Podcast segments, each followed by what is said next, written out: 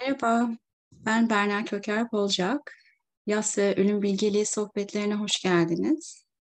Sohbetlerimiz yaşamın iki büyük ve gizemli hocası yas ve ölüm ile ilgili olacak. Sohbetlerimizin sizlere ilham olmasını, birbirimizin deneyimlerinden öğrenmemizi sağlamasını ve bu yolda yürürken yalnız olmadığımızı hissettirmesini dilerim. Unuttuğumuz yas ve ölüm bilgeliğini birlikte hatırlamak dileğiyle tekrar hoş geldiniz. Herkese hoş geldiniz diyorum. Ben aslında e, konunun uzmanı Berna. Böyle çok kısa bir e, açılış yapıp Berna'ya devredeceğim. E, e, ben çok heyecanlandım bu konu için. Çünkü çok özel bir konu, çok özel bir alan. Bazen de konuşmaktan çekindiğimiz, çok kendimize bile itiraf edemediğimiz duygular var orada. E, ben yaklaşık 10 yıldır doğum dulalığı yapıyorum. Berna da bir ölüm dulası. Ee, birbiriyle aslında çok hani doğumun olduğu yerde ölüm var, ölümün olduğu yerde doğum var. Ee, çok daha farklı e, paylaşacaktır zaten bizimle. Ee, öncelikle Berna'ya teklifimi kabul ettiği için, bu alanı bize açtığı için çok teşekkür ediyorum. Ee, Berna'cığım, bizim için çok özel bir fedakarlık yapıyor. Berna e, çok uzaklarda yaşıyor. E, orada şu anda bizden 8 saat geride. E, sabah bile olmadı. Daha gün ışığı bile yok orada. Hı hı.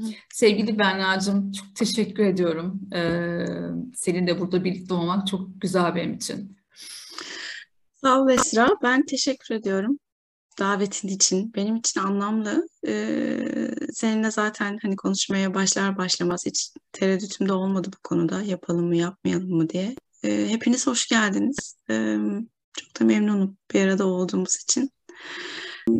Ben önce kendi adıma şunu söylemek isterim. Sanıyorum Esra da benimle aynı fikirdedir ama e, konunun ağırlığının, e, hassaslığının farkındayız e, niyetleri okuduğumuzda gördük ki, ki burada olanların çoğu bu acıyı derinden deneyimlemiş insanlar veya bu acıyı deneyimleyenleri desteklemeye niyet edenler veya desteklemiş olanlar hali hazırda hayatlarında. Umuyorum bu akşam burada da ruhunuza, kalbinize iyi gelecek şekilde kendinizi güvende hissettiğiniz bir yerde iki saat geçiririz bir arada. Hoş geldiniz. Ee, evet şimdi karışık bir grup var bugün. Ben niyetlere baktığım zaman onu gördüm. Dediğim gibi hamilelikte veya doğumda veya doğumun hemen arkasında bebeğini kaybedenler var. Onlara destek olanlar var. O yüzden buradaki buluşmamız herkesin kişisel ihtiyacına, en kişisel ihtiyacına cevap vermiyor olabilir. Anlatılanları dinlerken, paylaşılanları dinlerken bu çeşitliliği hatırlamanızı dilerim öncelikle. Ee, tabii ki ben ve Esra bir terapist, ruh sağlığı uzmanı veya doktor değiliz. O yüzden burası da bir terapi seansı da değil o anlamda. Veya bir eğitim bile değil aslında. Ee, ben kendi adıma biraz önce de dediğim gibi yasa ve ölüme hürmetle, saygıyla yaklaşmaya çalışan, anlamaya çalışan bir insanım. E, ve bu anlamda burası da bir hatırlama, hatırlatma, yalnız olmadığımızı hissetme, biraz önce söylediğim gibi. Güvenli bir alanda kendimizi e, ifade etme alanı olacak. E, benim için yaz şifalandırılması gereken, halledilmesi gereken, aşılması gereken bir şey değil. Biraz sonra biraz daha detaylı bahsedeceğim bundan ama yaz daha çok bir yolculuk. Ee, ve e, o yolculuk sırasında e, bize yoldaşlık eden e, bir kavram yaz. E, ve en önemlisi de toplulukla desteklenmesi gereken bir süreç. Tarihin hiçbir aşamasında e, yaz bu dönemde olduğu kadar yalnız yaşanan bir şey olmamış inanın ki. Evet yassı süreçten geçen insan e, bu süreçten kendi başına geçiyor doğru. E, ama topluluk desteği nerede? Maalesef bu 21. yüzyılda yaşıyor olmanın e, farkında bile olmadığımız e, etkilerinden bir tanesi bu yalnızlık. Her şeyi tek başına yapacağım ve bunların içinden tek başına geçeceğim koşullanmaları maalesef. E, o yüzden de hep birlikte buradayız. Konuşmak şart değil.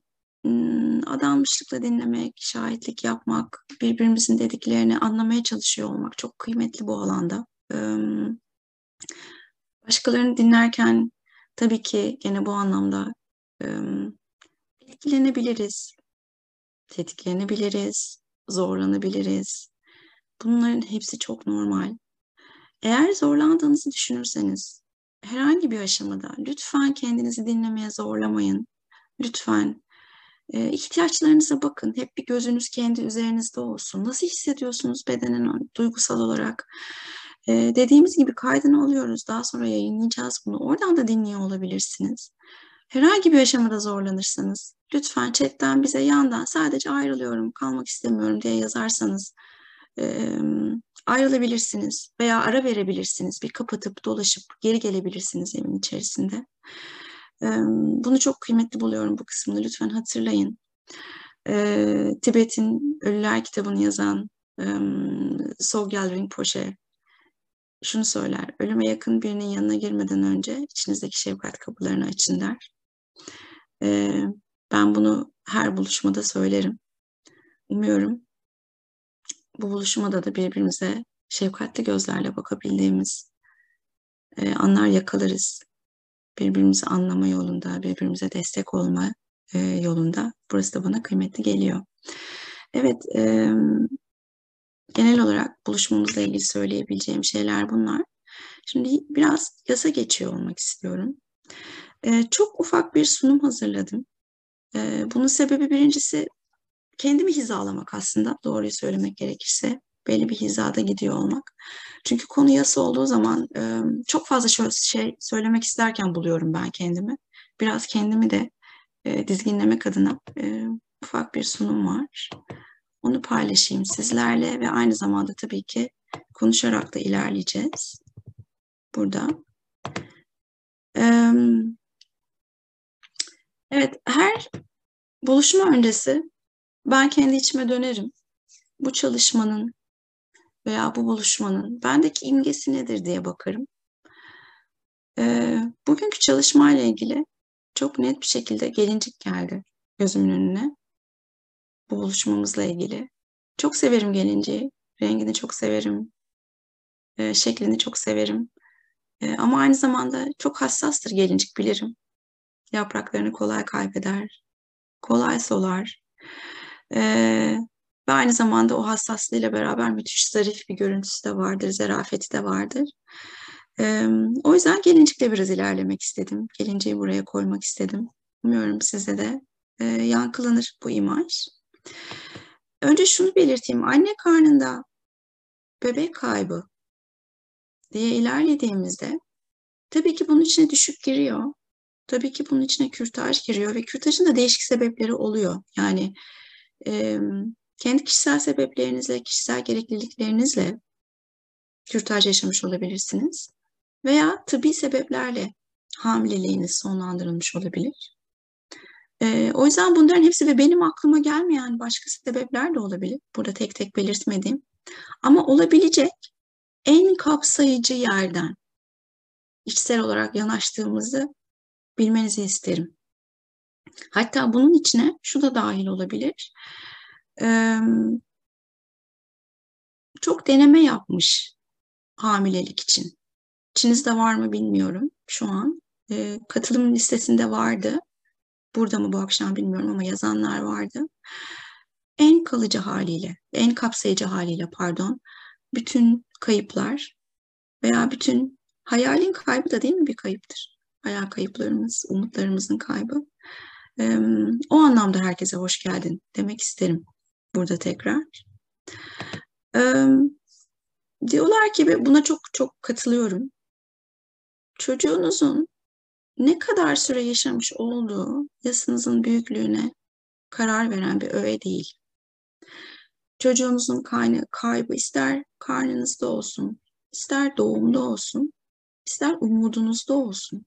O bir yastır ve geçtiğiniz bir yaz yolculuğudur. Çünkü anne baba ve çocuk ilişkisi, aile ve çocuk ilişkisi doğumdan çok önce başlayan bir ilişki. Doğumla başlamıyor. Ee, ve bu bağa baktığımız zaman da nedir? kendimizden bir parça diyoruz. Eşimizden bir parça olacak diyoruz. Soyumuzun devamı diyoruz. Belki annemi babamı göreceğim o çocukla diyorum. Gelecekten ümidimiz, gelecek planlarımız o bebekle bağlantılı olabiliyor. Biliyoruz ki bize zor zamanlar da getirecek ama aynı zamanda müthiş bir sevgi getirecek, neşe getirecek, keyif getirecek ve hayat boyu sürecek bir ilişkiye adım attığımızı da biliyoruz. Çocuk yapmaya karar verdiğimiz zaman. Ee, ve bütün bu söylediklerim aslında o aradaki bağın ne kadar kuvvetli ve aynı zamanda ne kadar katmanlı olduğunu da gösteriyor. Pek çok şey ifade ediyor bizim için. Bir bebek sahibi oluyor olmak. Ve yasla ilgili şu söylenene çok katılıyorum. Dışarıdan baktığında ne olduğunu anlayamazsın. İçeride olduğunda ne olduğunu dışarıya anlatamazsın. Bu anonim bir söz yasla ilgili. Ee, kendi yaslı süreçlerimde de e, bunun aynen ne kadar böyle olduğunu çok derinden deneyimledim. Deneyimlediğim zamanlar oldu. Peki yas nedir? Tabii burası e, çok değişik tanımların olduğu. Genelde bir tanım var. Sizde yer eden her kaybınız yastır denir. Ama çok fazla genelleştirilmiş ve çok fazla sadeleştirilmiş bir tanımı da oluyor bu yasın. Şimdi derler ki insan psikolojisinde insan beyninin otomatik olarak bir çalışma şekli var. Yani herhangi bir duygu aklınıza geldiği zaman mutlu, hemen onun zıttını da düşünebilme kapasitesine sahibiz ve beyin aslında çok otomatik olarak bu şekilde çalışıyor. Mutlu, mutsuz, neşesiz, neşeli. Yas dediğinizde peki bunun zıttı nedir? Mesela beyin bunu böyle çok çabuk bir şekilde bulmakta zorlanıyor bakın. O kadar karışık ve geniş kapsamlı bir yer ki burası. Yasın zıttı nedir? Basitleştiremiyoruz yası içimizde düşündüğümüz zaman. Ve e, sanıyorum böyle bütün araştırdığım, okuduğum e, kaynakların içerisinde de gördüğüm kadarıyla benim içime en çok sinen yasla ilgili imge, yası tanımlayan şey yasın bir okyanus dalgası olması. Her duygunun bir hareketi var biliyorsunuz ve onun için emotion aslında İngilizce'de de köküne giderseniz emotion. Mesela kızdığınız zaman bağırıp çağırabilirsiniz, elinizi kolunuzu hareket ettirirsiniz, kaşınız çatılır. Utandığınız zaman bir başınızı öne doğru eğersiniz, değil mi? Yüzünüz kızarabilir. Yasın hareketi nedir o zaman? İşte okyanus dalgası. Bunu çok sevdiğim ve takip ettiğim e, Michael Mead isimli bir e, Amerikalı e, hikaye anlatıcısı var. E, onun kullandığı, sıklıkla kullandığı imajlardan bir tanesidir yasla ilgili. Okyanus dalgası. Ne zaman nereden gel geldiği belli olmaz bu okyanus dalgasının. Alır sizi içine, çevirir ve bırakır. Bu okyanus dalgasının büyüklüğü üstünde, ne zaman geleceği konusunda, sizi ne kadar içinde çevireceği konusunda hiçbir kontrolünüzün olmadığı zamanlar vardır. Her zaman böyle devam etmez. Ama özellikle çok böyle e, akut zamanlarında kendinizi bir an iyi hissederken bir an çok farklı bir yerlerde buluyor olabilirsiniz. İşte bu yüzden okyanus dalgasına benzetirler yasın hareketini. Ve özellikle bu olay için yani anne karnında, doğumda, doğumun hemen sonrasındaki bebek kayıplarında yaslıyken verdiğimiz tepkilere baktığınız zaman belki bir şok duygusu,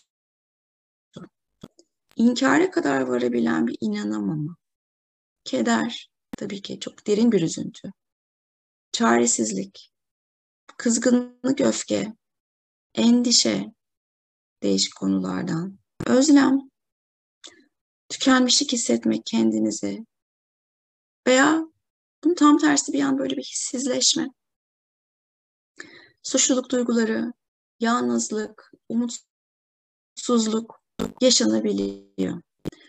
Ee, bunun yanı sıra tabii ki uyku bozukluğu, yeme içme bozukluğu, yorgunluk, konsantrasyon problemleri olabiliyor yaşadığımız ve dalgınlık. Bakın bunların hepsi yaslıyken verdiğimiz tepkiler Ve yasın kompleks yapısında bunların birkaçının bir arada yaşanabiliyor olma durumu var. Yası biraz daha karışık yapan şey bu zaten. Yani bir an kendinizi çok kederli hissederken, ağır duygu durumunuz kederken, bir an oradan kederin yanı sıra kızgın öfke hissettiğiniz, kızgın hissettiğiniz zamanlara geçişin çok hızlı oluyor olması. Bir anda kendinizi tükenmiş hissederken bir anda oradan daha çok umutsuzluğa kayıyor olmanız gibi değişik kombinasyonlarla gelen bir hali var yasın. Baktığınızda. Ve en önemlisi de burada en altta yazdığım duygu durumunda değişiklikler. Bu değişikliklerin bazen kontrolümüz dışında oluyor olması. E, bu fotoğrafı ben çektim Sydney'de böyle okyanus kenarında çok güzel e, havuzlar oluyor. Hem okyanus suyuyla besleniyor hem de o okyanusun dalgasının normal dalgasının içine girmemiş oluyorsunuz. Ama bazı günler dalga o kadar büyük oluyor ki bakın orada kenarda ipe tutunanlar var. Dalga geldikten sonra başka türlü ayakta kalmanız mümkün olmuyor çünkü. O dalga sizi alıyor, geliyor ve siz ancak bir ipe tutunarak, herhangi bir şeye tutunarak o dalgadan çıkabiliyorsunuz. Bunun yaz psikolojisinde bir adı da var. Ben yaz üzerine psikolojik danışmanlık da okuyorum. Buna işte ani, geçici, çok ani bir şekilde büyüklüğü, şiddeti artan yaz deniyor bu dalgaların ismini. Ve ben e, yaz konusunda derin dinleme şahitlik yaptığım danışanlarıma hep söylüyorum. Delirmedin diyorum. Delirmedin. Yani bu duygu durumundaki değişiklikler, bunların hızı, sıklığı senin kontrolün dışında ve bunları yaşıyorsan delirmedin. Zor ama sürecin bir parçası ve o anlamda normal. Ama zor. Ee, ve bebek ölümüne geldiğiniz zaman ister bu karnınızda olsun, ister doğumda olsun, e, yaşanan sadece aslında iki kelimeyle ifade ediliyor belki, değil mi? E, hamilelikte kayıp, bebeğin ölümü gibi. Ama baktığınız zaman aslında o kadar çok kayıp var ki bir ölüme, ölümün eteğine tutulmuş. Bir kere bir kimlik kaybınız oluyor, değil mi? Kendinize anne baba olmaya hazırlarken, anne baba olacağınızı düşünürken, orada o kimliğiniz kaybolabiliyor. Anlam kaybı. Evet belki hayata ilişkin yüklediğiniz anlamlar. E o zaman ben şimdi burada ne yapıyorum? Ne yapacağım? Değil mi? Uğraştım, istedim, olmadı. Hayata ilişkin yüklediğiniz anlamların sorgulandığı zamanlar olabiliyor bu zamanlar. Güven kaybı olabiliyor hayata karşı. Bazen inanç kayıpları olabiliyor. Gelecek kaybı oluyor. Evet gelecekle ilgili bir hayalimiz oluyor değil mi bebeğimizle ilgili? Bebeğimizi tanıyacağımız hayali oluyor her şeyden önce değil mi? O bebeği tanıyamama. O bebekle ilgili bir gelecek düşünürken o geleceğe ulaşamama, bir gelecek kaybı. Finansal kayıplarımız oluyor. Evet. E, bu çok konuşulan bir kısmı değil, bir tabu. Ama hayır, bakın özellikle tedaviyle çok denilerek olan yerlerde finansal kayıplar olabiliyor. Ve bu da bir kayıp. Bu da bir kayıp. Sağlık kayıpları olabiliyor denerken. Değil mi?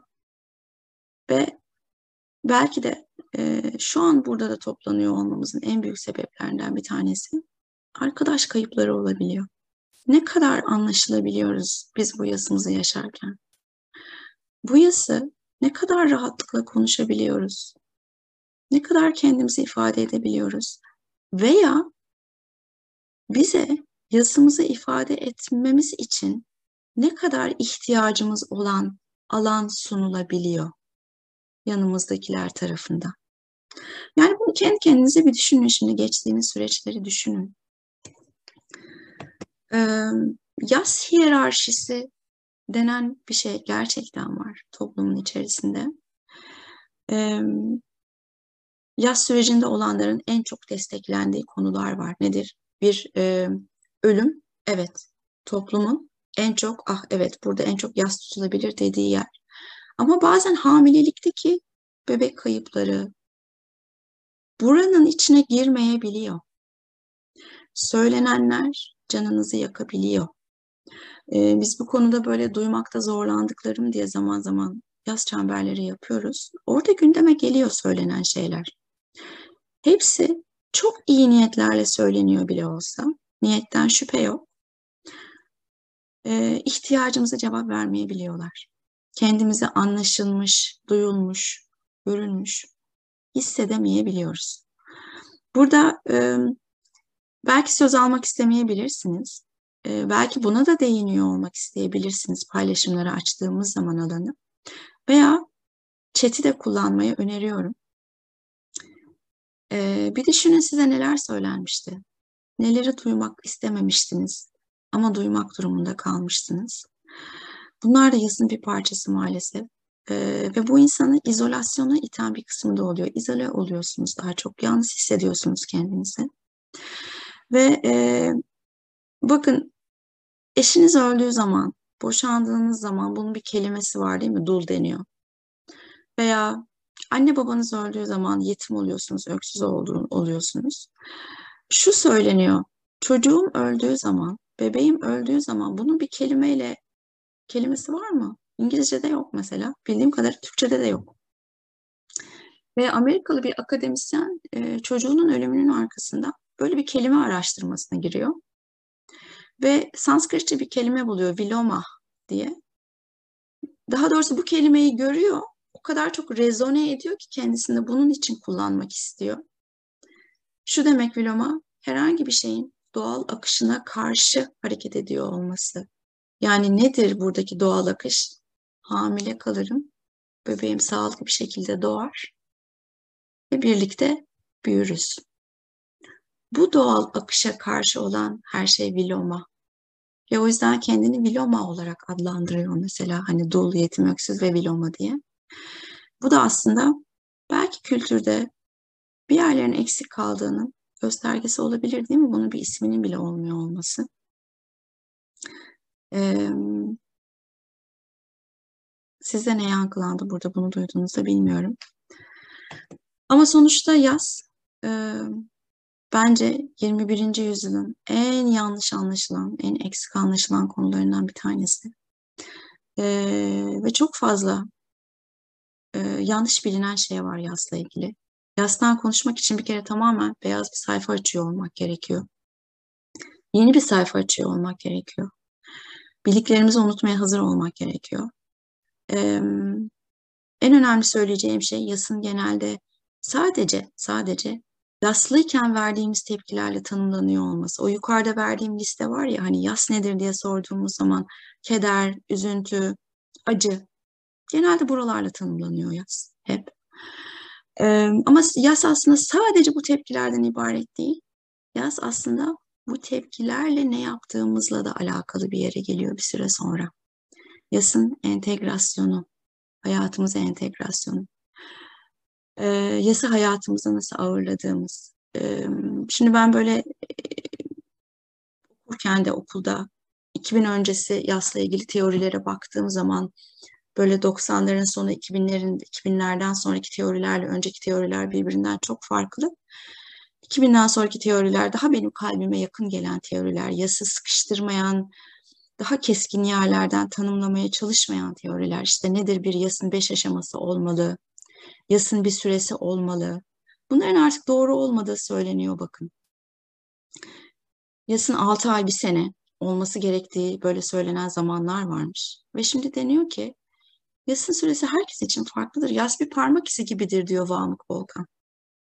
Nasıl parmak izi kişiye özelse yasınızı da o şekilde çok kendinize biricik bir şekilde tutarsınız deniyor. Ve bu anlamda yasınız 6 ay olabilir, bir sene olabilir, iki sene olabilir. Ama burada tek bakılan şey ne biliyor musunuz? Entegrasyon. Yani yası hayatınıza nasıl entegre ediyorsunuz? O yas bir yere gitmiyor çünkü. O yas olduğu yerde kalıyor. Biz hayatımızı onun etrafında şekillendirmeye başlıyoruz. Ve e, burada kahramanın yolculuğundan bahsetmek isterim. Joseph Campbell'ı belki duymuşsunuzdur. Onun meşhur kahramanın yolculuğu vardır. Evinde, köyünde huzurlu bir şekilde yaşarken başına bir şey gelir. Köyünü terk eder. Bu ikinci aşamasıdır yolculuğunun. Ee, işte ormanlara girer, tehlikeli ejderhalarla, düşmanlarla karşılaşır, savaşır. Sonra yolda bir hazine bularak köyüne geri döner. Bakın üç aşamalıdır. Yas yolculuğunu da buna benzetmek mümkün değil mi aslında? Yani bizim genelde yas olarak tanımladığımız yer bu işte karanlık dünyaya girdiğimiz yer. Ejderhalarla, düşmanlarla savaştığımız yer. Çok dipte olduğumuz yer aslında. Bununla tanımlanıyor yaz. Ama bir de üçüncü yeri de var bunun. Geri dönüş. Aynı insan olarak değil ama. Bambaşka bir insan olarak geri dönüş. Ve bununla ilgili çok sevdiğim bir iki görseli paylaşacağım. Ve sonra sözü Esra'ya vereceğim. Esra'nın da burada söyleyeceklerinin e, olduğunu biliyorum. İngilizcesi bu. Çevirmedim çok kolay çünkü Türkçesini söyleyeceğim. Burada yasın hayata nasıl entegre edildiği ile ilgili müthiş iki görsel var. Bir tanesi yasımla oturuyorum ve ona annelik yapıyorum diyor. Onun küçük ve sıcak elini tutuyorum. Ve ona Şşt, yani sus demiyorum. Her şey okey, her şey geçecek demiyorum. Bakın bu duyduğumuz klişelerden bir tanesidir değil mi? Geçecek. Bunları söylemiyorum yasıma. Onun yanında oturuyorum sadece. Sonra onunla beraber ayağa kalkıyorum. Ve birlikte bulaşıkları yakılmaya gidiyorum. Bakın yas bir yere gitmiyor. Onun yanında duruyor. Görüyor musunuz? Onu hayatımızda yaptıklarımızı entegre etmeye başlıyoruz ve son görsel paylaşacağım da bu konuda Yeni Zelandalı Tonkin bir psikolog yenilerde de sanıyorum bir iki sene oldu öldü. Ee, onun yasla beraber büyümek diye bir kavramı vardır. Bu çok rezone ediyor bende. Eskiden insanlar zannediyorlarmış ki ilk üstteki satıra bakın. Pembe yer yaz, Gittikçe yaz küçülüyor zanneder, zannediyormuş insanlar daha önce. Zamanla yaz küçülüyor. Fakat şimdi deniyor ki hiç böyle değil. Gerçekte yaz alttaki satıra bakın aynı kalıyor. Bakın o pembe topun büyüklüğü değişmiyor. Ama hayat yavaşça yasın etrafında büyüyor. Buralarda hayatımız yasın etrafında büyüdükçe yasımızla beraber başka şeyler yapmaya da yer açabiliyoruz.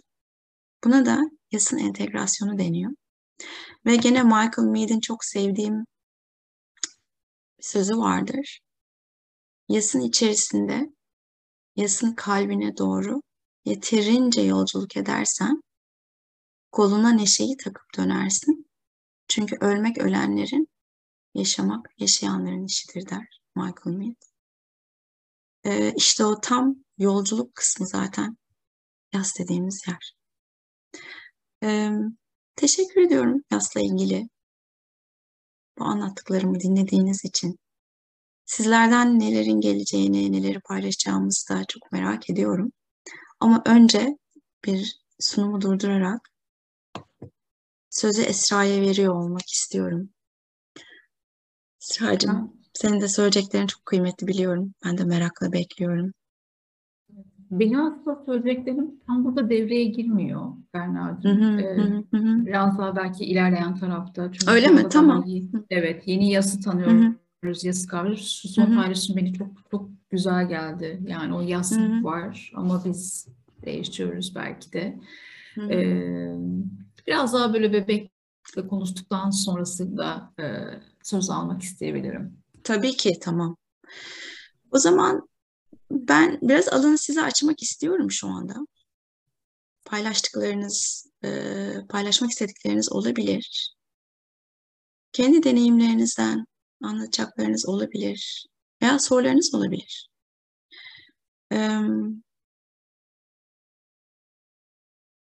Evet var mı? Mikrofon açık konuşmaya başlıyor olabilirsiniz. Ve mikrofonu açtığınızda bana e, kaydı durdurur musun, durdurur musun derseniz durduracağım kaydı. Böylece paylaşıma girmemiş kal- olacak. Kaldıran Belki var mı? Kaldırarak da söz almak Olabilir tabii ki. Reactions'ın altındaydı değil mi? E kaldırma aşağıda Reactions'ın altında. Evet Elif seni gördüm. Hı? Merhaba. Merhaba, merhaba Elif. Kaydı durdurmamı ister misin? Yok yok yok kalabilir. Ee, Hı hı, tamam. kalabilir. Çünkü aslında biraz nasıl desteklendiğimi anlatmak istiyorum. Daha doğrusu dalganın içinden geçtiğimi düşünüyorum. Hı hı. Evet. Belki hemhal olduğum birileri de duyar, onlara diye gelir. Hı, sağ ol. Ee, benim ilk gebeliğimdi. Hı hı. Ee, ve daha önce yıllarca e, çeşitli hastalıklarım olduğu için e, çocuk sahibi olamayacağımı duyarak büyüdüm. E, o yüzden hamile kalmam hayatımın mucizesiydi. Yani sanırım aldığım en iyi haber, e, en şükran, en minnet duyduğum günler. E, ayaklarım yerden kesilmişti diyebilirim. Sonrasında e, aynı zamanda bir e, bir atölyeye katılıyordum, meditasyon atölyesine e, ve işte atalarla ilgili bir çalışma yapıyordum ve işte sürekli meditasyonda bebeğimin kutsandığını, benim kadın atalarımla kutsandığımı düşünüyordum, öyle hissediyordum. Çok güçlü hissediyordum. Yani omurgam dikleşmişti. Sanki yapamayacağım hiçbir şey yok artık yani. Hani bu da oldu. Çok büyük bir şey oldu ve artık beni kimse tutamaz. Ama e, kalp atışını duyamadık 8. haftada. Zannediyorum ki 7. haftanın içinde e, gelişimi durdu. E, ancak e, gittiğimiz doktor 10. haftaya kadar bekleyebileceğimi, bunun bir yaz süreci olduğunu, kalp atışını dinlemeye gittiğimiz günde hemen kürtaj olmasın. Ee, o yüzden biraz daha bekleyelim. Bu daha iyi olabilir. Daha iyi olabileceğini söyledi. Ee, ben çok şaşkındım, çok üzgün, yani çok üzüldüm. Böyle o muayenehane sanki böyle başımın önünde devrildi gitti gibi. Ee, bütün iki, iki ay boyunca işte kurduğum o hayaller, o heyecanlanma hali silinmiş gibiydi. Çok şaşkındım ama beni asıl zorlayan iki hafta boyunca kalp atışı olmadığını bildiğim bir bebeğe hamile kalmak oldu. Hmm. Hmm. Ee, yürüyemedim, uyuyamadım, sürekli kanama bekledim. Neden ben, neden, neden bebeğim? Sürekli Hı. aklımdan geçti. Hiç bilmediğim bir öfke hali. Hı. Hayatımda yaşadığım en büyük hayal kırıklığı. Ee, anlatamayacağım bir hal ve pandemi var, yakınlarım Covid, ee, kimseyle görüşemiyorum, konuşmak istediğimde anlatamıyorum çünkü bana ne olduğunu ben de bilmiyorum. Sadece elim Hı. karnımın üstünde kendimce vedalaşmaya çalışarak geçirdim bu iki haftayı. Çok yalnızdım. Ee, o bana hiçbir şey olmaz. Artık her şeyi yapabilirim hali gitti. Hayatımda yaşamadığım bir boşluğun içinde kayboldum gerçekten hissettiğim şey böyle boşlukta serbest düşüşte olma haliydi. Hı hı. Ee, sonrasında e, artık bebeğin kesesinin bana zarar vereceğini fark ettik e, ve hı hı. E, kürtajla hamileliğimi sonlandırdık. Kendi kendine gitmesini bekleyemedim. Hı. Ee, en çok hissettiğim şey büyük bir duygu karmaşası. Her şeyden mürekkep bir hale geldim. Büyük yani, hayal kırıklığı, öfke, kızgınlık, büyük bir şefkat, büyük bir merhamet hali kendime ve herkese. Bunu ilk ben yaşamıyorum. Şimdiye kadar bunu kim bilir kimler yaşadı, kaç kadının başına gelmiş olabilir diyerek bu kalbim büyüyor bir taraftan ama acım geçmiyor. Ee, daha önce böyle çok üzüntüler yaşadım hayatın normal akışı. Ama hep böyle sanki böyle bir bataklıkta bir, akan bir nehrin içinde çırpınmaya çalışırdım. Bu kez hiç öyle olmadı. Bu kez o nehrin kenarında oturdum çünkü yapacak hiçbir şey yok. Hı. Ve yani o, o akıp geçmesini bekledim. Çünkü bebek benle beraber ve yaşamıyor. O, o, o zannediyorum ki e, en çok öğrendiğim şey bu olmuş olabilir hayat boyu. Şu anıma kadar, bu yaşıma kadar bana en çok öğreten şey bu olmuş olabilir. Ee, sonrasında çok uzatmak istemiyorum aslında. Herkesin vaktini almak istemiyorum ama iki şeyden hızlıca bahsetmek istiyorum. Ee, ilki çok derin bir kıskançlık hissettim. Hı. Ve o kadar büyük bir mahcubiyet takip etti ki bunu. Hiç kıskanmam sanıyordum. Yolda hamile birini gördüğüm zaman kıskandığımı fark ettiğimde çok utandım. Bunu dile getiremedim, kendime söyleyemedim.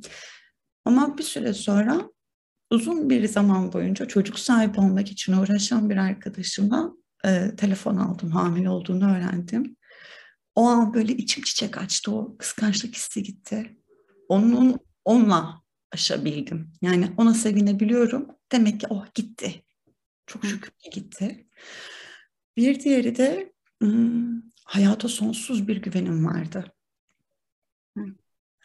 Her şey olması gerektiği zamanda oluyor. Çok güzel oluyor. Ne olacaksa vaktinde oluyor. Buna inanıyordum. Hayata güvenirsem olur diyordum ama e, hayata güvenmeyi hayattan istediğim şeyi almak olarak yorumlamışım. çok sonra fark ettim. Ee, yine çok zor günler geçiren bir arkadaşımın hayatı tepe taklak olmuşken aldığı birkaç haberle birlikte yeniden bambaşka bir düzenin içine girdi ve hayat eskisinden çok daha iyi oldu. Onun deneyimi üzerinden bunu gördüğümde o küskünlüğümle de barıştım galiba. Ee, yine her şey bir amaç için oluyor. Şu an yine ona inanıyorum. Ee, ben çok üzüldüm. Dediğiniz gibi çok büyük bir dalga. Yani geçtim, süreci tamamladım sandım dediğim bir anda yeniden hatırlatıyor kendisini. Ee, hayat boyu benle birlikte olacak, beni büyütecek, zenginleştirecek bir şey var avucumda. Hı. Ee, olmasa nasıl olurdu bilmiyorum. Olanı bu. o yüzden e, bunu böyle anlatmak, konuşmak bile o kadar iyi geldi ki. Hı. Çok teşekkür ederim alan açtığınız için. Olasın evet. Çok sağ ol. Tamam.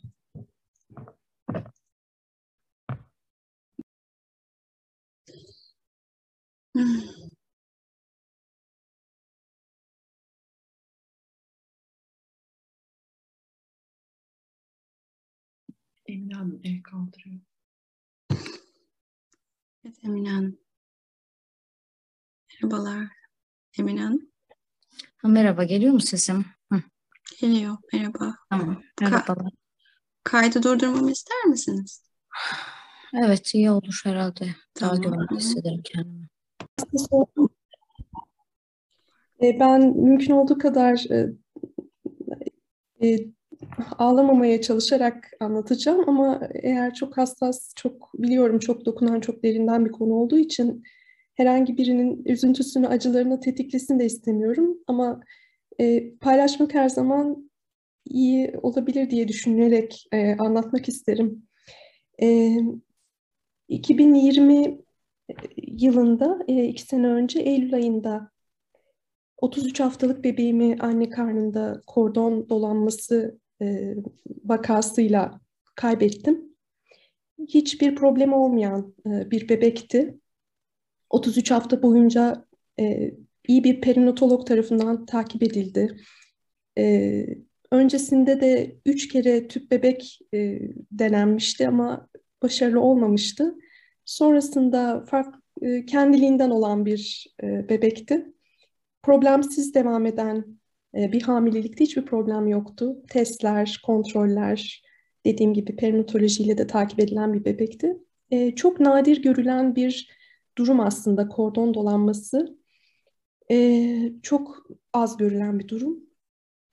33 haftalık kontrole gittiğimde kalbinin kalbini duyamadı e, doktorun asistanı. Hala hatırlıyorum. E, muhtemelen herkes aynı aynı cümleyi duran, e, kalbinin durduğunu duyan bebeğinin herkes o anı hiç unutmuyor muhtemelen. E, kafasında tekrar tekrar yaşıyordur da hatırlamak istenmeyen, kimsenin başına gel, gelmemesi gereken, e, hayatın normal akışının dışında çünkü doğumdan önce ölümün olması e, akla mantığa sığan, sığabilen bir durum değil. Hayatta çok büyük acılar var. Bu en büyük acı. Benim hayatımın en büyük acısıydı. E, kalbinin durduğunu duymam. Doktorun telaşla içeri geldiğini hatırlıyorum. E, bak, bak ya kalp atışını aradıklarını hatırlıyorum. Büyük bir sessizlik, derin bir sessizlikti. E, dünya başımıza yıkılmıştı. E, çok büyük bir çöküntüydü, çok büyük bir acıydı. İnanmak istemedik. E, çok büyük bir acı, çok derin bir acıydı. Hayatımın en büyük acısı. E, 2020 Eylül ayında 33 haftalıkken bebeğimin kalbiydi. Yöntemler sundular. E, farklı yöntemler ama e, önerilen yöntemlerden bir tanesi işte belirli bir aşamada doğumun başlatılması ve vücudun doğumla birlikte dünyaya ölü bir bebek getirmek. Diğeri sezaryandı. Ee, ben sezaryanı tercih ettim. Ee, bebek bu şekilde sezaryanla dünyaya geldi. Çok büyük bir acı. Sonrasında ne yapılacağı ayrı bir e, soruydu. Soru yani soru soruluyor. Nasıl, ne yapmak istiyorsunuz? Ne yapabiliriz? Kafamızda böyle bir şeyi canlandırmak bile e, akıl dışı, mantık dışı. E, cenazesini alarak gömmek istediğimizi söyledik e, o cehennem içerisinde. E, nekat süresi tabii sezaryen belirli bir süre hastanede kalınıyor. Belirli acıları, fiziksel zorlukları hiçbir şey e, yaşanan duygusal çöküntünü e, düşündüğünüzde. Bebeğin gömülmesi, e, onun için işte çok inançlı kişiler değiliz ancak e, toprağa o beledin konulması, için işte bir takım dualar okunması e, çok zordu, çok büyük bir acıydı. E, ailem, arkadaşlarımız bizimleydi. E, pandemi başlamıştı. E, hani o anlamda herkesin işte desteğini aldık e, bir süre. Ama çok tabii zor bir durum. Daha önce kimsenin karşılaşmadığı e, o kadar hani genelde bu acının şeyi yok, zamanı yok. Yani bebek kaybı ne zaman olursa olsun erken dönem, ilk trimester, ikinci trimester, üçüncü hiç fark etmez. Ölü doğum denilen e, farklı vakalar da var. E, anne karnında bebek kalbinin durması da her aşamada ne yazık ki hamileliğin her aşamasında ne yazık ki karşılaşılan bir durum. E, bununla birlikte bu iki senedir aslında devam eden bir e, üzüntü. Hiçbir zamanda geçmeyecek ancak hayatımızda tabii ki tutunduğumuz e, farklı sevgi, farklı şeyler var. E, ancak en son yaşadığımız e, yeniden hamile kaldım. 8 haftalıktı. Bu Mart ayı içerisinde 8 Mart'ta kalp atışını duymuştuk. Lakin 10 gün sonra 18 Mart'ta kalbinin durduğunu öğrendik. Geçen hafta ee, öyle bir şeydi ki aslında e, ben uzun süre üç tane tüp bebek tedavisi gören e, biri olarak da öncesinde hani başarısız tüp bebek tedavileri geçirip sonrasında e, çok zor bir şekilde kendinden hamile kaldığım için o mutluluk, o sevinçle birlikte bebek kaybını yaşadım. İkinci kez tekrar yeniden hamile kaldım. Geçen hafta tekrar aynı cümleyi duymak, e, dünyanın tekrar alt üst olması, tekrar aynı, bütün her şeyi tekrar tetikledi. O iki sene önceki duyduğum cümleyle birlikte o sahnenin ikinci kez gerçekleşmesiydi geçen hafta, Cuma günü. E, yine 8 haftalık, 9 haftalıktı. Ancak 8 haftayken gelişimi durmuş. E, bunu öğrendik. E, Cuma günü sonrasında tabii operasyon olması gerekiyordu. Tıbbi tahliye diyorlar. Geçen hafta cumartesi günü tıbbi tahliye operasyonu yapıldı.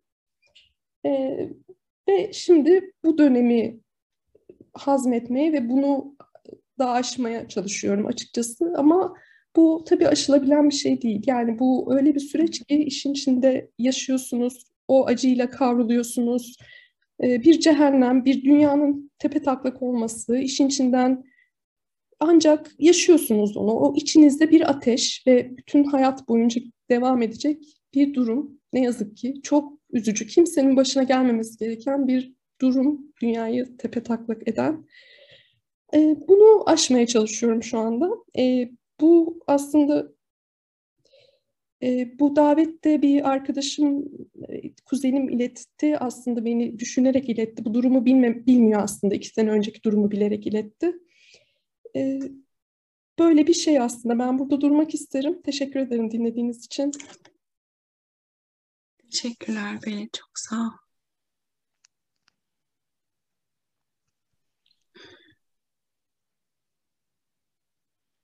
Teşekkürler.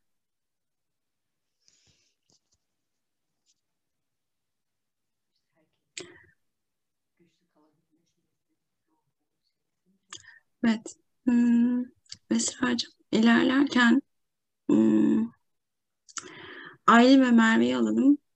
Sen sonrasında mı e, Esra'cığım devreye girmek istersin? Bilmem, e, akışa göre bakarız hayatım. E, Tamam. chatten, chatten yazı paylaşanlar da var. E, Aylin'le Merve'yi dinlemeden önce onu da bir hani şey yapmak istedim. Tabii lütfen okumak ister misin? Nasıl ilerlemek istersen. Orada ben chat'i kaçırdım gözden. Tabii ki e, sevgili Özge paylaştı bizimle. E, evlendikten sonra 10 ay sonra hamile kaldığını e, ama 4 aylıkken maalesef e, bebeğin kalp atışları durduğunu ve kaybettiğini e, paylaşmış. E, 16 ay geçmesine rağmen hala unutamadığını ve üzerine yeniden hamile kalamadığını paylaşmış. Aslında ben daha çok burada hani yeniden hamile kalmak, e, Hı. o yası tutup gidenle vedalaşmak da değil aslında. Hani o hep orada ama e, genellikle bana gelen anneler arasında şöyle bir e, duygu olabiliyor. E, belki bunu konuşacaksındır akışta. E, Hı hı. böyle kayıpların ardından gelen yeni canlılarla bağ kurmakta zorlanabiliyoruz aslında. O Hı hı. giden yası e, kabul ya da işte o yasın yaşama şekliyle alakalı olarak belki. Hani burada belki ben biraz konuşmak isterim. Hı hı. Ee, sevgili Fatma Özge'den sonra bir paylaşımda bulunmuş. O da aslında e, sevgili e, Elif paylaştığında kıskanıyorum dediğinde o da acaba gerçekten kıskanıyor muyum bu, bu üzüntü mü diye duygusunu belirtmeye çalışmış. Ee, onları böyle yazmak istedim. Sevgili Özge de kıskançlıktan bahsetmiş. Çok çok normal duygular aslında bunlar. Çok, Berna, evet. yani Evet, evet, çok normal. Tabii ki. Tabii ki. Bunların hepsi çok normal. Kolay değil. Zor. Ee, ama normal duygular bu süreç içerisinde. Sevgili Fatma'nın bir paylaşımı var çok kıymetli. Bu süreçte kimsenin sizi anlamaması, sanki her şeyi gözünüze soka soka yapıyor gibi olmasını hissetme hali, e, anlaşılmak bazen bu kadar zor olabiliyor değil mi? Maalesef em, yaz cahilliği de diyorum ben ona zaman zaman ama evet bilmiyoruz. Yaslı süreçlerde nasıl destek olacağımızı da bilmiyoruz aslında. Yani o alanda kalmak tabii ki destekleyenler için de kolay bir şey değil. Ve genelde verilen tepkiler çok otomatik yerlerden çıkıyor. Çok klişe laflarla oluyor genelde. Ve onlar o an için hiç de ihtiyaç duyulan şeyler değil aslında.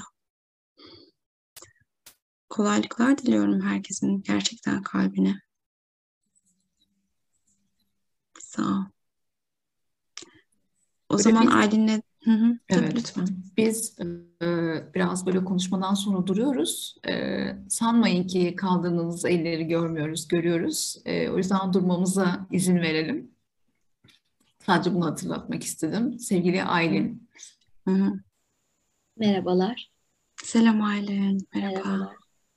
Ee, aslında normalde e, daha böyle güvende hissetmem için kaydın kapanmasını isterdim. Hı hı. İçim öyle diyor ama istemeyeceğim.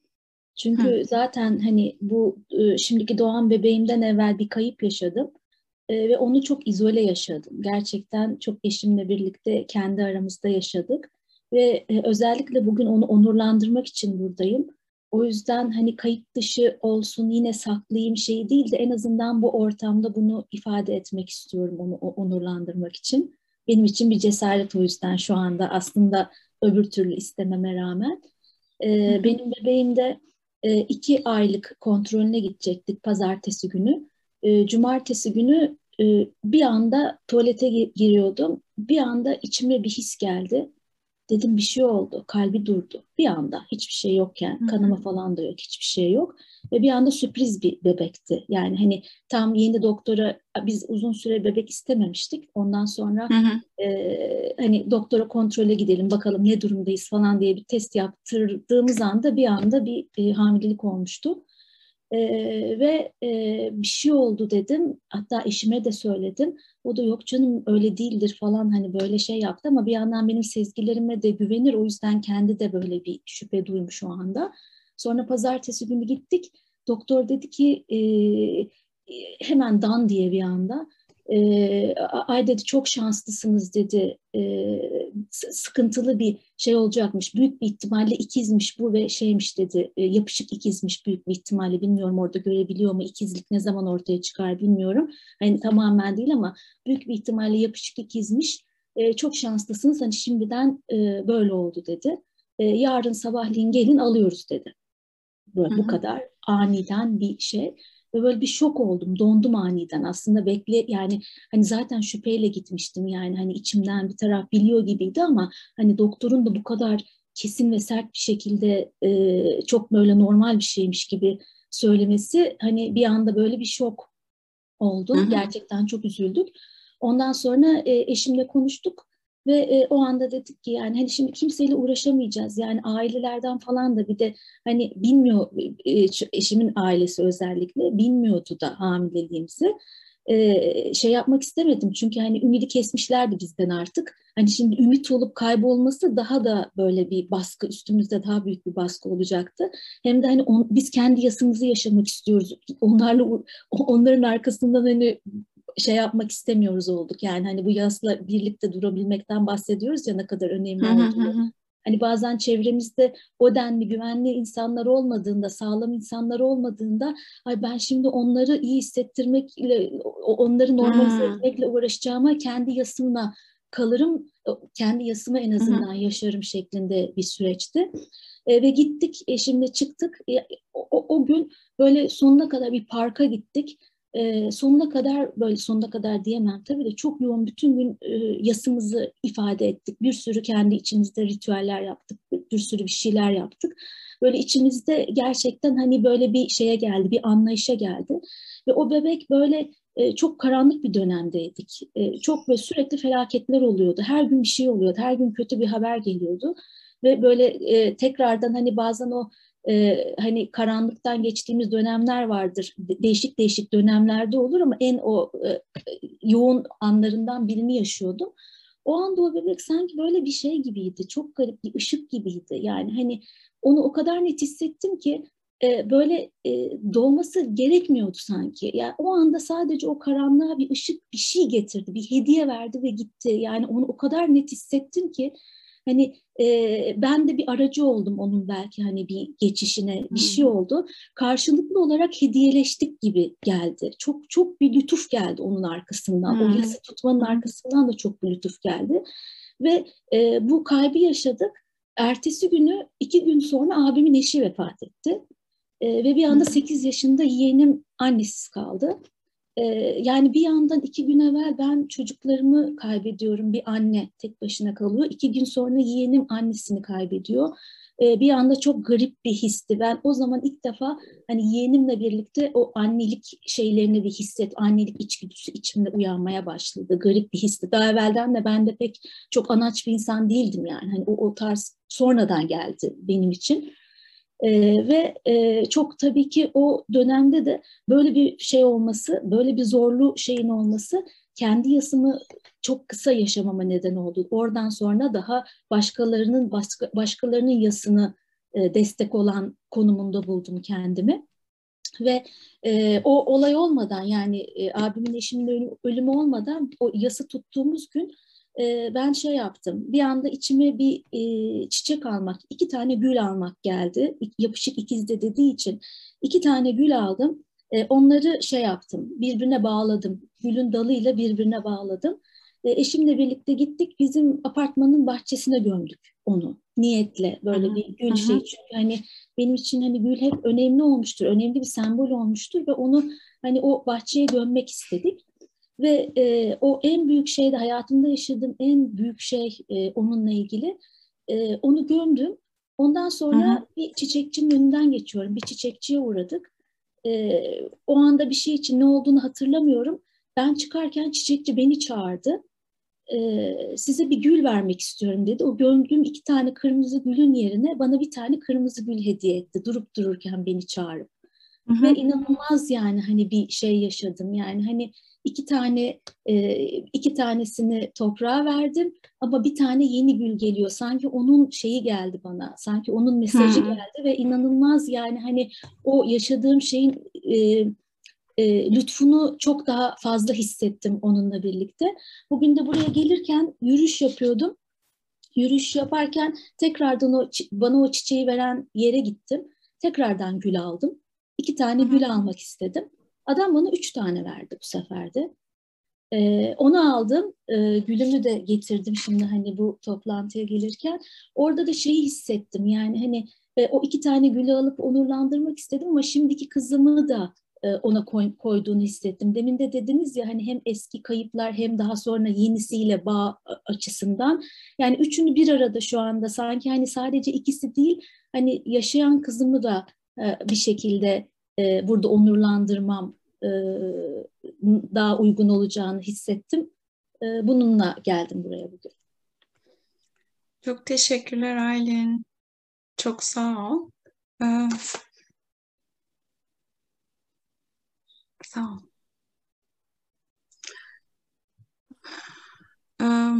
Teşekkür ediyoruz. Sevgili Merve el kaldırmıştı ama. Evet şimdi şeyi de söylemek istiyorum. Benim ekranım şu an ne olduğunu bilmediğim bir sebeple tamamen e, simsiyah. Sadece radyo gibi seslerinizi duyuyorum. Hiç ekranda hiçbir görüntü yok.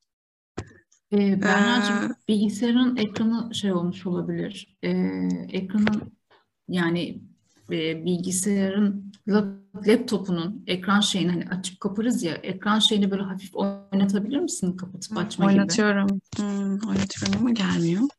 Biz seni görüyoruz çünkü. Görüntü evet, çalışıyor. Evet, tamam.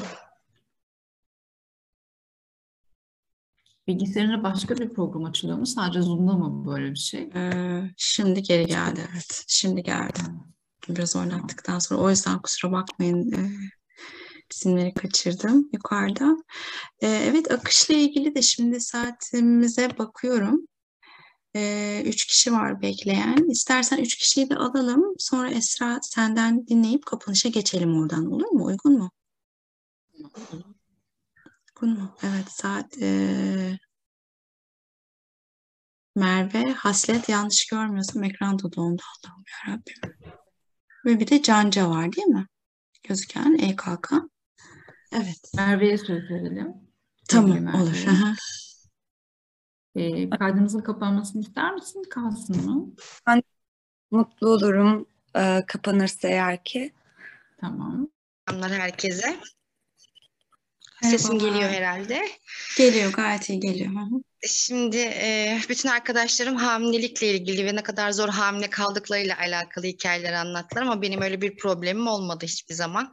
Problem de demeyeyim ama Ee, öyle bir durumla karşılaşmadım. Ben her zaman hamile kalmakla ilgili bir problem yaşamadım.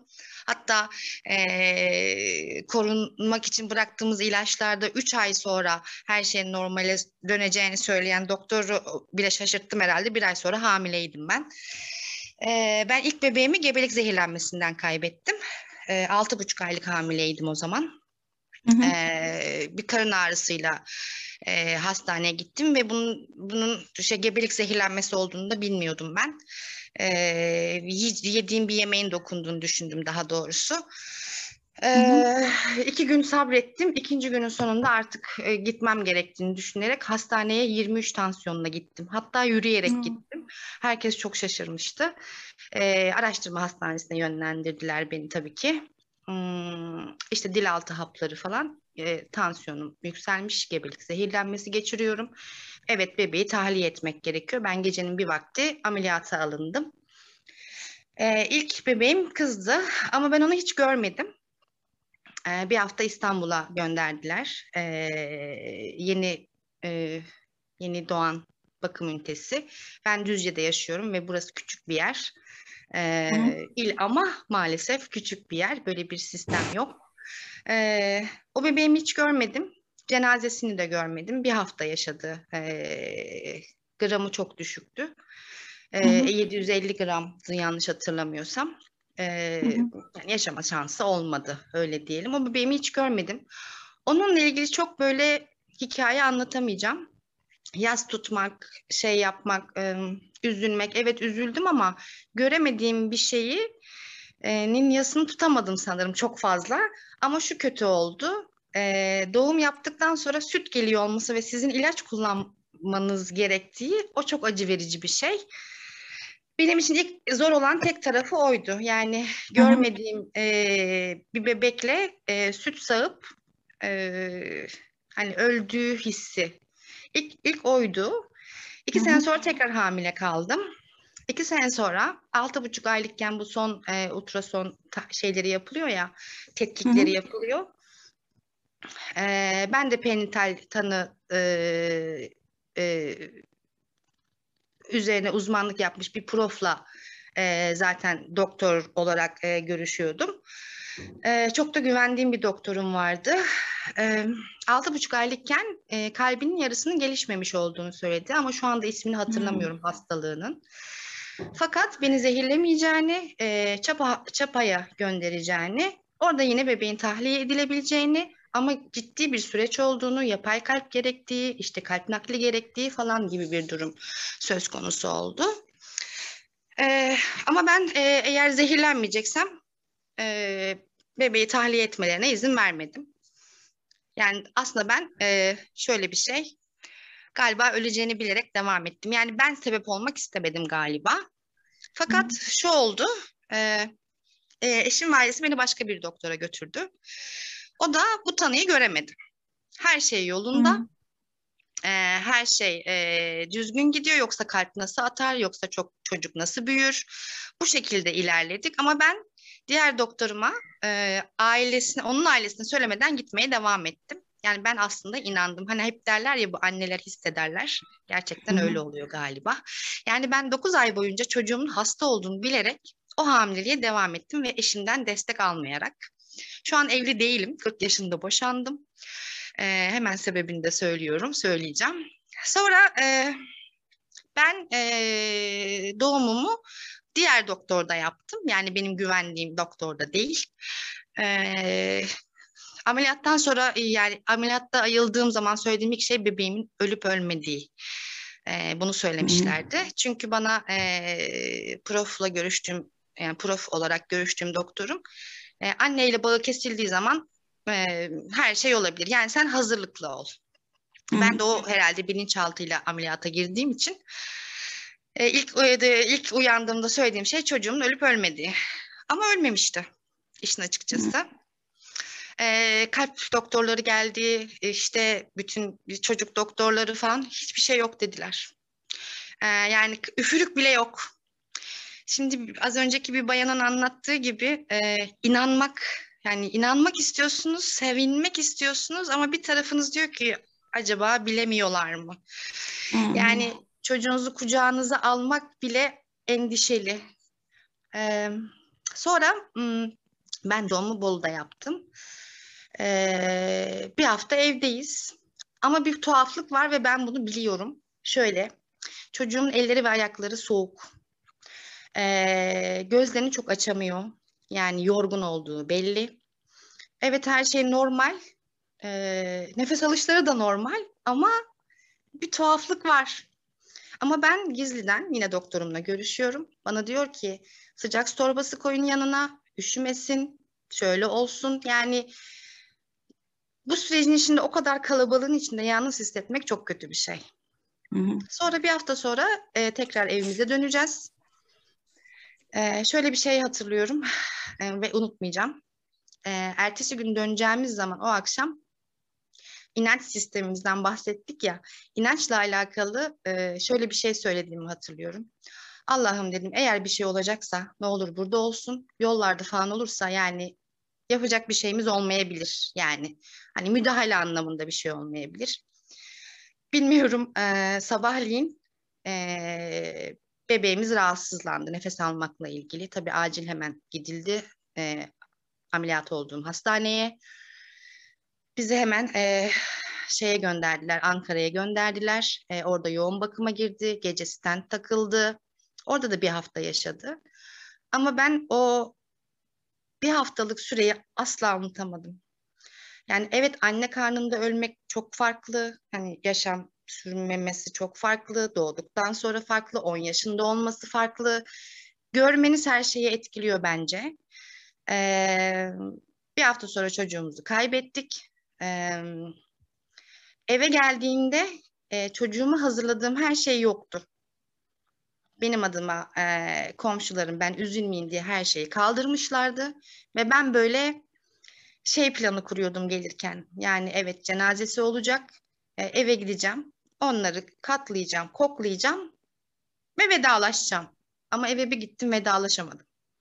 Hı hı. Sonra eşim de aynı şekilde tabii sizin size e, hastanede en son giydiği kıyafetleri veriyorlar. En son koktuğu koku o.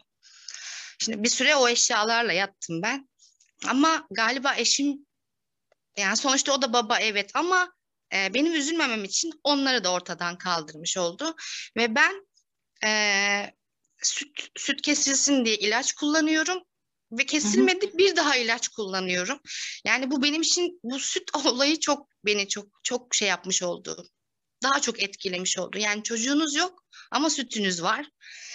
Ee, Sonra e, bana şöyle bir şey söylendi. Yani yine o gittiğim profla alakalı ve ben çok iyi doktorlara da gittiğimi düşünüyorum büyük şehirlerde.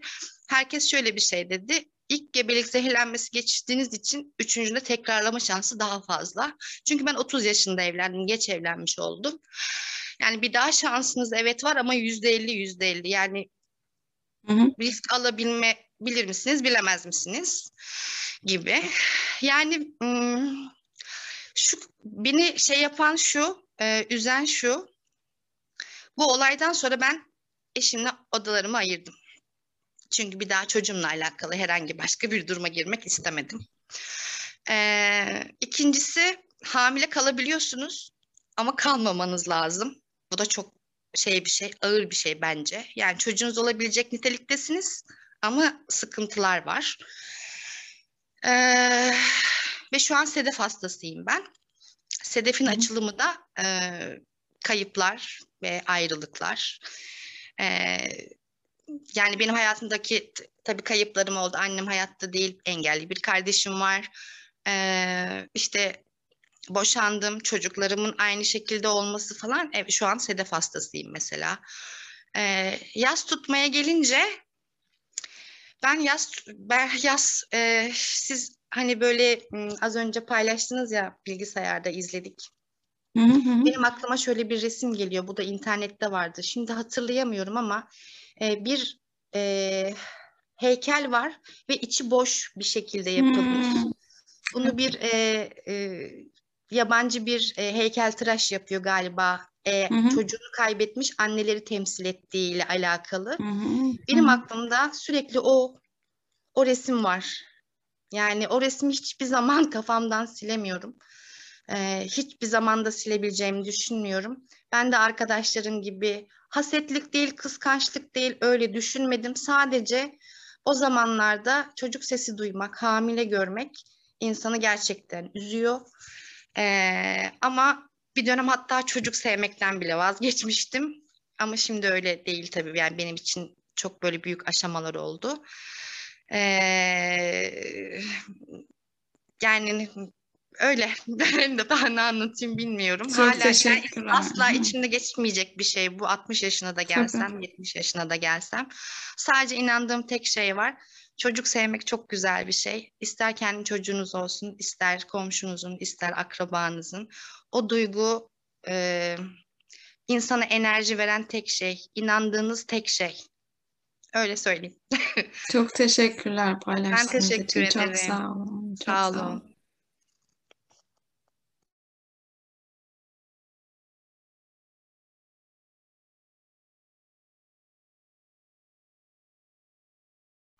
Evet Tuğçe Hanım sizin de eliniz kalkıyor. Siz de mikrofonu açarak konuşmaya başlayabilirsiniz.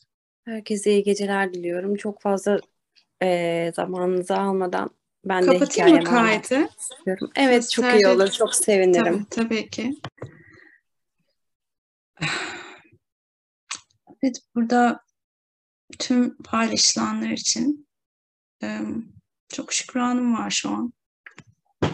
Ayrı ayrı söz alan, söz almayan, dinleyen hepinize sağ olun, var olun. Esra'cığım, senin söylemek istediğin bir şeyler var mı, eklemek istediğin? şeyler eklemek istiyordum ama paylaşımlardan sonra vazgeçtim. Sadece herkese sıkı sıkı sarılıyorum. Ee, çok kıymetli paylaştıklarınız. Ee, içtenliğiniz için, açıklığınız için çok çok teşekkür ediyoruz gerçekten. Ee, hiçbir zaman geçmeyecek bir acı. Hep içimizde var olacak bir şey. Hı hı, İnanın hepimiz bunu iliklerimize kadar hissettik. Ee, hı hı. Sarılıyorum kocaman. Sağ ol Esra. Hmm. Ben de tüm konuşulanları, tüm söylenenleri kalbime aldım. Söylenmeyenleri hissetmeye çalıştım ekranların arkasından. Bu alanı birlikte tuttuk. Sadece Esra ve ben değil, hep beraber. Şeffaflığınız tuttu. Burada olma niyetiniz tuttu o yüzden. Ben de teşekkür ediyorum hepinize. Çok çok teşekkür ediyorum. Zamanınızı, vaktinizi ayırdığınız için, burada olduğunuz için niyetlerinizle.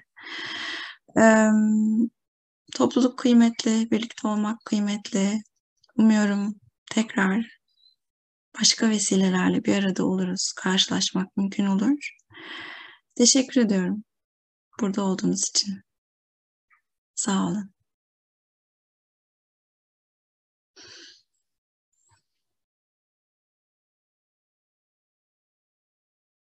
Evet.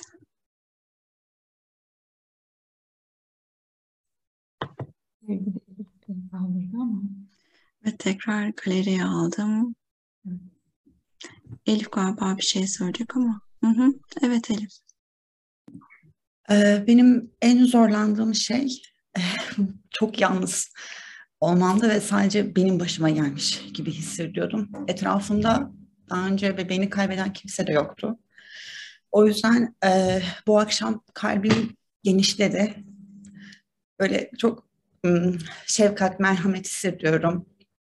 Herkese çok sarılıyorum. O yüzden keşke bunu daha sık yapsak. O yalnızlık hissini alır en azından. Yükümüzü belki paylaşabiliriz.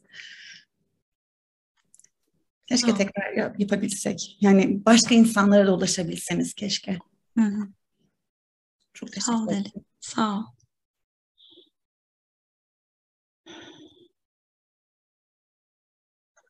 Teşekkürler hepinize. sadece konuşmak, anlatmak bile o kadar iyi geliyor. Değil mi? Tabii ki sadece şahitlik çok kıymetli. Sadece şahit olmak. Canca el kaldırdı ama Ya akşamlar diliyorum. Az önce konuşacaktım ama internet bağlantımdan dolayı konuşamamıştım. Hı hı. Sadece şunu söylemek istiyorum. Ben podcastlarınızı da tanıdım. Siz ve Çiğdem Hanım'la yaptığınız podcastinizden sonra o akşam gerçekten vedalaşma fırsatı buldum ben. Ya benim için 10 yıl önceki bir yaz. Aslında ben e, 4 yıl önce babamı kaybettim. E, o benim için çok daha büyük bir yaz gibiydi ama sizin paylaşımınızdan sonra aslında bu yasların hepsinin birbirine girdiğini fark ettim ben. Hı hı. Ve bu yasımı fark ettirdiğiniz için çok teşekkür ediyorum. Yani bu alanı açtığınız için şükran duyuyorum size. Bunu dile getirmek istedim. İyi akşamlar, hoşçakalın. Çok sağ olun. Çok teşekkürler Cancığım. Evet, şimdi benim penceremin arkasından günün ışıdığını görüyorsunuz herhalde değil mi? Şimdi burada sabah oldu. 24'üne girdim ben 24'ündeyim. 4 Mart'ta saat 7.30. Böyle buradan bir e, anne edasıyla hepinize çok sarılıp hepinize güzel ilhamlarla, güzel tatlı uykularla yatağınıza göndermek istiyorum buradan. Ee, siz uyurken dünyanın nöbetini ben devralıyorum. Görüşmek üzere diyorum. Hepinize çok sarılıyorum tekrar. Ediyoruz.